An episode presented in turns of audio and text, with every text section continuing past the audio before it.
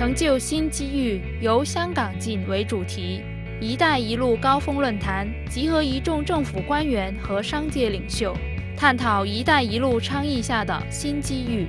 飞达贸易的严宝林分享他的看法。一帶一路高峰論壇到今年已經第四次嘅，咁我係第一次嚟參加，我覺得呢個係帶出一個好正能量，特別依家咧喺裝備貿易摩擦嘅時候咧，一帶一路扮演嘅佢係一個新時代一個好重要嘅角色，令到好多企業係更加大膽勇敢行出去，好多真實感嘅企業可以真真正正跟我哋一齊行出去一帶一路繼續發展。严寶林當年力排眾議，選擇落户孟加拉國開設廠房。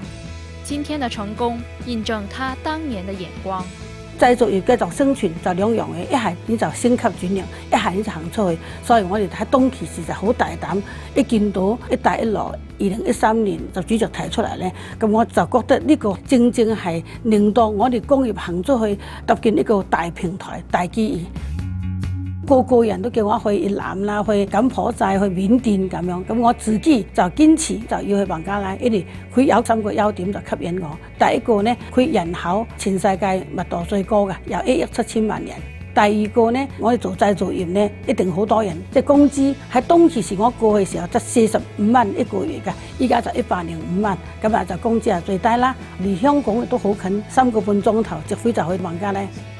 保利由零開始的艱辛。严宝林明白到，在陌生国度经营生意的困难，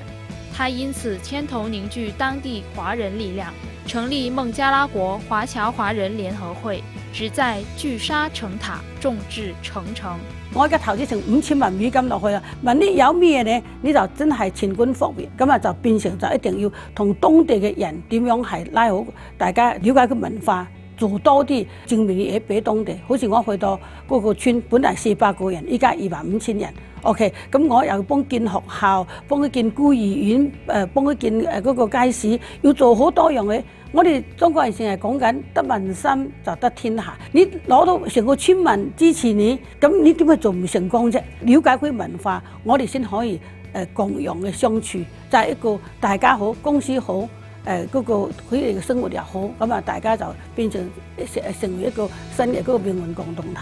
如今孟加拉國政府將他工廠所在的小镇根据他公司命名为飞达镇，象征了双方多年合作的丰硕成果。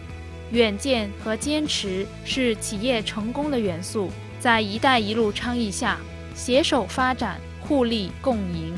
七八十年代我哋係前前店後廠，就香港就去設計，就去接單，咁咧就珠三角係製造。其實依家咧時代發展得咁快咧，個個都係用緊互聯網啊、IT 電腦嘅嗰個溝通。我哋發展一定係要組成一個新嘅時代嘅一帶一路，就係新嘅時代嘅前店後廠，就將珠三角嗰邊就做我哋前店，一帶一路做我哋嗰個後廠，用呢種新嘅架构。咁啊更加會成功。